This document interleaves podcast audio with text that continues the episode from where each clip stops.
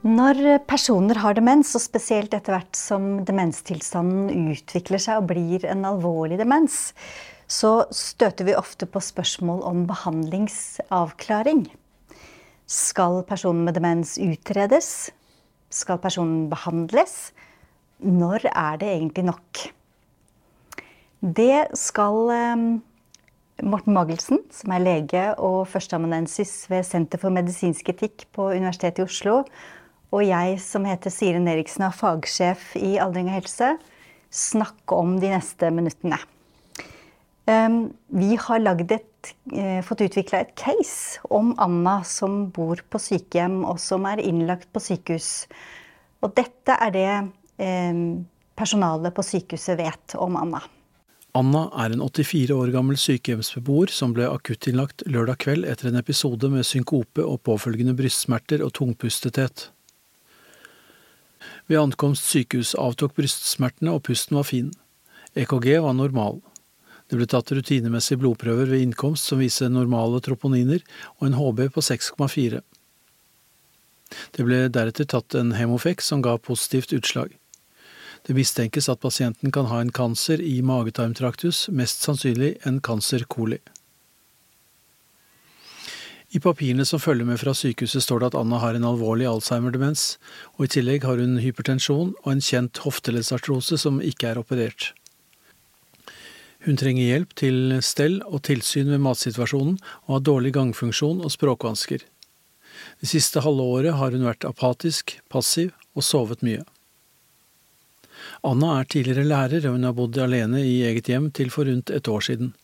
Hun fikk sykehjemsplass fordi hun ikke klarte å få i seg nok næring, og fordi hun vegret å ta imot hjelp hjemme. Anna har en datter som bor i nærheten, og en sønn som bor i utlandet. I samtalen om dette caset benyttes SME-modellen, som består av følgende punkter. Hva er det etiske problemet? Hva er fakta i saken? Hvem er de berørte parter, og hva er deres syn og interesser? Hvilke verdier, etiske prinsipper, normer og lover er aktuelle? Hvilke relevante handlingsalternativer finnes, og en helhetsvurdering. Ja, det er da en modell med seks eh, hjelpespørsmål mm. som hjelper oss å få satt ord på hva er det etisk relevante i denne situasjonen vi står overfor. Mm. Og vi kommer til å bruke den som en ramme når vi snakker om eh, Annas eh, case. Så det første spørsmålet i SME-modellen er hva er det etiske problemet? Mm. Og her kan man kanskje si at det er flere etiske problemer, men det er vel ett som er helt i kjernen og som peker seg ut. Og det kan formuleres veldig direkte som Bør Anna utredes videre? Det er vel det vi lurer aller mest på. Bør Anna utredes videre? Og hva, hva er fakta i saken? Hva, hva vet vi egentlig? Vi, vi en, fikk vi jo en liste her med, med, informasjon, men hvis vi skulle oppsummere det, hva vet vi egentlig? Ja, Ja, Det andre trinnet i SME-modellen det er hva er fakta i saken. Og det er klart veldig viktig i medisinsk etikk at vi har klart for oss de medisinske og andre premissene som eh, utgjør saken. Og etikken må bygge på en eh, presis og tilstrekkelig beskrivelse av faktagrunnlaget. Og nå har vi jo fått eh, godt beskrevet uh, situasjonen her med Anna. Vi vet noe om hennes grunntilstand. Hun har en alvorlig grunnsykdom. Mm. Alvorlig Alzheimers sykdom. Eh, vi vet noe om at hun har lav hemoglobin og, og en eh, uavklart anemi på den måten. Men samtidig er det noen klare hypoteser om, om eh, hva den skyldes. Og vi vet også noe om hennes funksjonsnivå på sykehjemmet til vanlig. Mm. Og I dette trinnet hva er fakta i saken, så er det også veldig nyttig å spørre hva vet vi ikke? Mm. Hva er det vi burde vite for å liksom, ha et tilstrekkelig faktagrunnlag? Og da vil jeg peke på at um, det er, jo også, det er jo noe med prognosen her. Både prognosen av de tilstandene vi eventuelt kan finne ved utredning, mm. men også prognosen av hennes grunntilstand mm. uh, er relevante medisinske premisser i denne saken. En annen ting jeg mener at vi ikke vet, er jo dette med hennes samtykkekompetanse for beslutninger om utredning og behandling. Mm. Men kanskje vi kan si noe om samtykkekompetansen likevel? Jeg tenker hun har en alvorlig uh, grad av demens, og hun har et dårlig språk. Altså hun har lite språk. Så jeg tenker at vi kan, kan um, dette er jo et papircase, men vi kan si at hun har, ikke er samtykkekompetent i store medisinske spørsmål. Ja. Tenker jeg at vi kan legge som en premiss her. I klinisk praksis skal jo samtykkekompetanse vurderes konkret eh, med pasienten eh, der og da, og for, knyttet til en spesifikk beslutning. Men jeg er enig, det er jo mye i caset som peker mot at hun ikke vil være samtykkekompetent, ikke kan uttrykke sin vilje om eh, den utredningen og behandlingen som vil bli aktuell. Ja. Og når det gjelder prognose, så har hun da en alvorlig demenstilstand. eh, Og vi vet jo at en, en demenstilstand er, er dødelig. Altså demens er dødelig. Um, mm. Da har vi sett litt på fakta. Mm. Så er det tredje punktet i SME-modellen er hvem er de berørte parterne, pa, partene, og hva er deres syn og interesser? Ja. Pasienten selv er jo alltid um, den helt sentrale berørte parten. Anna som har en alvorlig grad av demens. Og ja, hva er hennes syn? Det er jo noe av det som ikke kommer fram da, i dette, dette caset. Og da er det antagelig vanskelig da, å få, få fram hva hun ønsker. Um, Her ville det vært veldig nyttig om vi hadde kjent noe fra tidligere om hva hun har uttrykt om sine preferanser. Har hun f.eks. i en tidligere fase av sykdommen uttalt at nei, jeg ønsker ikke at dere skal gjøre alt som er mulig hvis jeg blir dårlig og blir avhengig av hjelp? Eller har hun kanskje omvendt uttrykt at nei, jeg har glede av livet og jeg ønsker at dere skal gi meg full behandling? Den type utsagn ville vært nyttig for oss å vite nå. Men slik saken står, vet vi vel lite om hennes syn. Mm. Men den kunne vi altså det, Nå følger det jo ikke noe med, med noe informasjon om dette, i hvert fall så langt vi veit. Men det, der kunne det vært nyttig med en forhåndssamtale. Ja. Mm. Og med informasjon fra en forhåndssamtale som fulgte med. Ja. Virkelig, dette er nettopp en sånn type situasjon der forhåndssamtaler kan komme til sin rett. Og hvis det hadde vært gjort en forhåndssamtale og satt inn i kjernejournal noe om uh, pasientens verdier og preferanser, så kunne det hjulpet oss i denne situasjonen. Samtidig som det jo ikke løser alle problemer, for ut, tidligere uttrykte preferanser må jo tolkes inn i den konkrete situasjonen. Hvordan er dette relevant nå? Og en annen ting igjen er jo at mennesker uh, med demens kan jo i likhet med alle andre endre sitt syn. Ja. Uh, hvis det er gjennomført en forhåndssamtale noen år tilbake, hvor mye vekt kan vi legge på det nå? I en gitt situasjon der pasienten kanskje er tilfreds med, med synes å være tilfreds med sin tilværelse. Slik er det jo riktignok ikke her. Det fremgår at hun uh, Eller ut fra beskrivelsen av Anna så stiller jeg spørsmål om hun har livskvalitet, og hvordan hun uh, opplever sin tilværelse på sykehjemmet. Ja. Andre berørte parter i dette caset og denne, denne saken. Både sykehuset og sykehjemmet er jo viktige berørte parter. Og det er viktig at de kommuniserer godt og utveksler den informasjonen de måtte ha. Ikke minst da at informasjon fra sykehjemmet kommer til sykehuset. Og her, er det jo, her har jo sykehuset Vi er vel fortsatt i akuttmottaket her. Og de har fått rede på en del viktige ting, syns jeg. Det er en beskrivelse av hvordan hun har det på sykehjemmet. Så det er fint at det er innhentet. Men er det Altså, i en eh, Ville det vært naturlig at, at sykehuset tok kontakt med sykehjem og diskuterte dette videre? Ja, det tenker jeg. Særlig hvis man opplever at man har uavklarte spørsmål om pasientens preferanser, om hennes uh, diagnoser, om hennes uh, funksjonsnivå til daglig og hennes opplevde livskvalitet. Ja. Så det er klart, legen i akuttmottaket er her en viktig berørt part. Pleiepersonalet på sykehjemmet viktig berørt part. Og det er viktig at de kommuniserer, så, så sykehuset har all den informasjonen de trenger. Ja. Sykehjemslegen. Um, og så er det det er, jo, det er jo den behandlende lege nå på sykehuset som har det medisinske ansvaret, og som skal fatte beslutningen om, om utredning videre. Eh, Hva med, hva med pleiepersonale eller annet personell på sykehuset?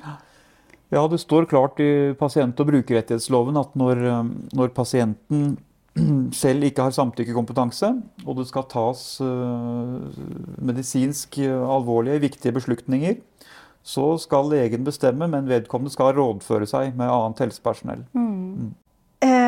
Og annet helsepersonell, det kan jo da være enten personalet på sykehjemmet eller personalet på sykehuset her. Så Ja. det kan jo være begge deler. Mm. Um, og så er det pårørende.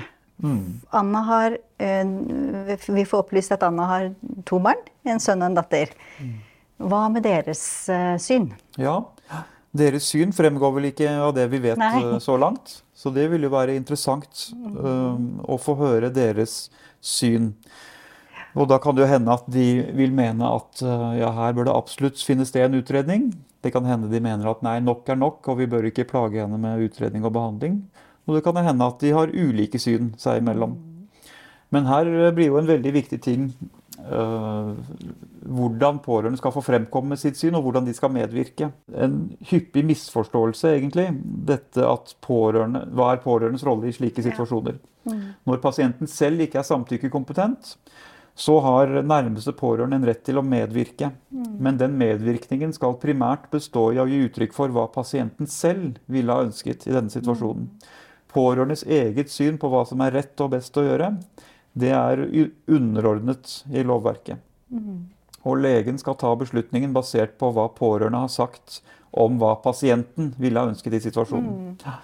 Så vi ser det ofte at, eh, at ikke alle helsepersonell er klar over at regelverket er slik. Og mange gir pårørende en større rolle, en større beslutningsmyndighet. Kanskje de til og med legger beslutningen over på, på pårørende. Og gir dem en større rolle i dette enn det som de er tiltenkt i lovverket. Så hvis sønn og datter her hadde vært uenige, hvor den ene sier 'jeg syns at hun skal, behandles', og den andre sier 'jeg syns ikke', eh, så er egentlig ikke det så interessant. For Ja. det interessante er å vite hva ville Anna Ja. ha sagt. Mm. Og hva kan pårørende berette om hennes verdier og preferanser? Ja. Hva slags eh, person er Anna, og hva har vært viktig for henne? Ja. Og hva kan vi da tolke ut fra det er viktig i denne situasjonen vi står overfor nå? Ja. Så er det også et spørsmål om, om hvem av dem som er nærmeste pårørende og skal få medvirke. For loven sier at det er nærmeste pårørende som har denne retten til å medvirke når pasienten selv ikke er samtykkekompetent. Og da er det viktig at nærmeste pårørende er den som pasienten selv har utpekt som nærmeste pårørende. Og hvis ingen er utpekt, så er det en sånn liste som står i pasient- og brukerrettighetsloven. Det er den som har mest daglig kontakt med pasienten, er nærmeste pårørende. Og hvis ikke det er klart hvem det er, så vil disse to da som begge førstegradsslektninger stille likt, da, ut fra loven. Em, fjerde punkt i SME-modellen. Hvilke verdier, etiske prinsipper, normer og lover er aktuelle her? Ja, verdier, etiske prinsipper og normer, det er jo sånne etikkord. Og lover, og vi kunne sagt retningslinjer også, det kommer inn her. Alt er satt sammen i dette viktige punktet, som kanskje er kjernen i SME-modellen, sammen med det punktet vi nettopp har gått gjennom. Og da er det jo en retningslinje her, eller en veileder rettere sagt, som er veldig nyttig, og som dekker akkurat det vi snakker om. Og det er Helsedirektoratets uh, veileder om beslutningsprosesser ved begrensning av livsforlengende behandling fra 2013. Og den uh, er praktisk rettet, og den gir mye nyttig informasjon og veiledning for hvordan man skal gå frem i slike beslutningsprosesser. Og noe av det den trekker fram, da, er at pasientens autonomi er uhyre viktig her. Hva ønsker pasienten selv? Behandling skal basere seg på pasientens eget ønske. Jf. prinsippet om informert samtykke, som jo er viktig i alle deler av helsetjenesten. Og det har vi jo snakket litt om, men dette med pasientens uttrykte preferanser, eventuelle forhåndssamtaler, vil være viktig. Tidligere uttrykte preferanser og verdier. Men hvis vi ikke har så mye av det, så må vi gå videre til neste spørsmål, som er hva er til pasientens beste? Og da er vi over på det etiske prinsippet om velgjørenhet. Hva er eh, helsepersonellets egen faglige og etiske vurdering av hva som er til pasientens beste? Men det er verdt å merke seg det at veilederen her setter opp de, at de to fremste spørsmålene eller prinsippene er hva ønsker pasienten selv, og hva er til eh, pasientens beste. Det er altså ikke f.eks. pårørendes eh, ønske eller, eller andre forhold som, eh, som når opp her. Det er pasienten, selvsagt, og denne som, eh, som står i fokus. Og hvis vi må gjøre en avveining av hva som er til pasientens beste, så snakker vi om avveiningen mellom de etiske prinsippene om velgjørenhet og ikke-skade-prinsippet. Og da blir det jo en konkret vurdering av hva vi kan oppnå med en utredning her, da, i dette tilfellet. Og hvilken eventuelle skade vi kan påføre i form av plagsomme undersøkelser, risiko for komplikasjoner. Disse må veies opp mot hverandre. Og det blir viktig med diagnosene som utredningen kan avdekke. Er dette ting som det finnes effektiv behandling for? Eh, Det kan, en konkret vurdering her kan gjøre at det regnskapet mellom velgjørenhet og ikke skade tipper ned i favør utrede eller ikke utrede. Så det handler både om altså hvor belastende en utredning vil være, men også hva det å komme fram til en, en diagnose, hvor, hvor nyttig det er, og hva det vil ha å si for behandling videre Ja. for henne.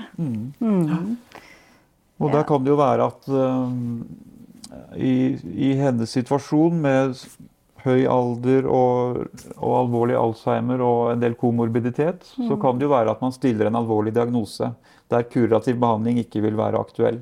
Det er vel et ganske sannsynlig scenario. Og da kan det jo likevel hende at å stille en diagnose er viktig fordi det er viktig for den lindrende behandlingen som hun må få. Eh, Selv om, eh, selv om vi utreder og, og stiller en diagnose her, så er det ikke nødvendigvis sånn at vi må behandle kurativt. Det er viktig. Mm. Ja. Samtidig som det da er viktig at vi har en, en begrunnelse, et siktemål med vår utredning. Ja. Hvis, vi, hvis vi tenker at den egentlig ikke får noen konsekvens for, for Anna, så skal vi heller ikke plage henne med den. Ja. Mm. Jeg tenker jo at dette caset også aktualiserer et, et problem vi har i vår helsetjeneste. Da. Altså dette med overbehandling ved livets slutt. Og det er klart Noe som ligger under det at vi valgte akkurat dette caset, er at dette er en eh, type situasjon som er tilbakevendende og som er vanskelig. Og der helsepersonell ofte opplever at, at de kanskje føler seg nødt til å utrede og behandle, men de likevel opplever at eh, de har en tvil om det virkelig er til det beste for pasienten. Så det, dette med overbehandling, selv om det er erkjent som et problem i vår helsetjeneste, så er det likevel et problem som er litt gjenstridig. Ja. Og jeg tenker eh, i dette caset her, hvis man hadde hatt eh, Hvis man har pårørende som, som uttrykkelig uttrykkelig sier at men nå, hun bør utredes, nå, har det, nå er hun diagnostisert, da bør hun behandles. Eh, Så er det, det er mange kompliserende faktorer i et sånt case, tenker jeg, i, eh, i det virkelige livet. Det er det, og vi snakker ofte om drivere for overbehandling. Hva er driverne eller årsakene til at det blir overbehandling? Ja. Og noen deler det i tre. Det er ting som har med pasienten og pårørende å gjøre. Mm. Og da er jo det et mønster vi ser noen ganger, at det er pårørende som kanskje er den sterkeste pådriveren for mer behandling. Ja. Og så er det ting som ligger hos øh, legene og det andre helsepersonellet. Mm. Og det kan være ting som usikkerhet. Usikkerhet om lovverket, men også usikkerhet om prognose, og at man da For å være på den sikre siden, så skal man utrede og behandle. Men det kan også være ting som, som øh, ansvarspulverisering mellom ulike spesialiteter. Og så er det jo ting i systemet, helsetjenesten. At vi kan ha dårlig tid, og at det å sette seg ned og ta en grundig vurdering og en samtale med de som er involvert om veien videre, kan være en tidkrevende sak. Da. Og også en, kanskje en emosjonelt eh, krevende og kommunikasjonsmessig krevende sak. Ja. Men hvis man kommer så langt her at man står i en Hvis det blir, en, måte, blir til en, en konflikt med pårørende, f.eks. At pårørende sier at ja, men hun skal utredes og behandles. Hva da? Ja. Altså, Hva slags muligheter har man da? Nå er jo dette en, eh, Det caset vi har lagt opp til, er kanskje eh, i noen grad en akutt situasjon, men hvis man har litt eh, bedre tid, da, Ja. så er det jo først det med god og gjentatt kommunikasjon og informasjon. Mm. Det er klart det må ligge til grunn. Men hvis en uenighet består og kanskje utvikler seg til en konflikt, så er det på en måte to veier å gå, sier den veilederen om beslutningsprosesser. Det ene er den faglige veien med å få en faglig second opinion. Ja. Kan noen andre gjøre en ny vurdering av det faglige her? Og det andre, som jeg ofte ivrer for da, som etiker, det er jo den etiske veien. Og da bruke klinisk etikkomité, som Ja. alle helseforetak har. Mm. Og det vil, Klinisk etikkomité er en tverrfaglig forum der man vil kunne samles rundt bordet og sette ord på ja, egentlig akkurat sånn som vi gjør nå, med hjelp av SME-modellen. Og da ser vi ofte at det er forløsende, fordi man, man opplever at man, forstå hverandre bedre. Ja. Og man kan komme fram til en, eh, en løsning som alle kan, kan akseptere. Ja. Så det femte punktet i SME-modellen. Hvilke relevante handlingsalternativer finnes her? Er det utrede, ikke utrede? Ja, det er jo det. Og det peker jo på en måte tilbake til trinn to. Hva er det etiske problemet? Ja. Som vi formulerte som bør Anna utredes videre. Mm. Og da er jo utrede og ikke utrede er jo de opplagte alternativene. Kanskje har vi fått øye på et mellomalternativ òg. En form for begrenset utredning. Ja. Som der vi ikke gjør alle mulige undersøkelser, men kanskje vi kan gjøre nok til å få, til å få mer kunnskap om hva slags tilstand som ligger bak. Mhm. Og vi snakket litt om det at, eh, at eh, selv om kurativ eh, eh, behandling kanskje ikke er så aktuelt, så kan det å stille en diagnose være nyttig for Mm. den palliasjonen som kan bli viktig eh, på sikt. Da. Sjette punkt i SME-modellen er en helhetsvurdering. Ja, ja, er vi i posisjon nå til å konkludere? Jeg vet ikke, hva tenker vi? Det er klart, det, det er et papircase, og Mm. det kan gjøre at vi vegrer oss litt for å si veldig bastant at det skal være utredning eller ikke utredning. Det må vurderes av den som står i den konkrete situasjonen med Ja. pasienten. Men det er klart det er en del ting her som taler i retning av at man ikke skal eh, utrede så mye. Mm. Og det er jo den eh, alvorlige grunntilstanden. Mm. Det er det at man kanskje ikke vinner så mye eh, på å utrede. Mm. Så kanskje dette, dette mm, balansen mellom velgjørenhet og ikke skade Ja. tipper mer mot ikke skade. Mm. Hva syns du? Det kan være, tenkes at man skal ha en- den middelveien som vi snakket om, med en begrenset utredning med tanke på eh, palliasjon.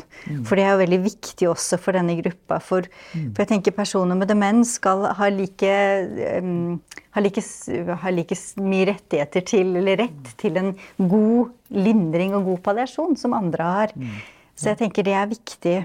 Så jeg, jeg tenker eh, kanskje en sånn Se om det går an å ha en sånn eh, litt mellomvei her, ja. Ja. Der var jeg. Mm. Men det, jeg er helt enig med deg at man må, det er mange parametere vi ikke vet, og dette er et papircase. Men um, Men jeg tror at det vi har vært gjennom nå, det har vært vist fram et eksempel Mm. på hvordan man kan eh, tenke, da. Hvordan man kan sette opp de etisk Mm. og medisinsk relevante momentene i en sak av denne typen. For det er klart dette er et eksempel på en situasjon som man veldig ofte står i i, i sykehus og sykehjem. absolutt. Mm. Mhm.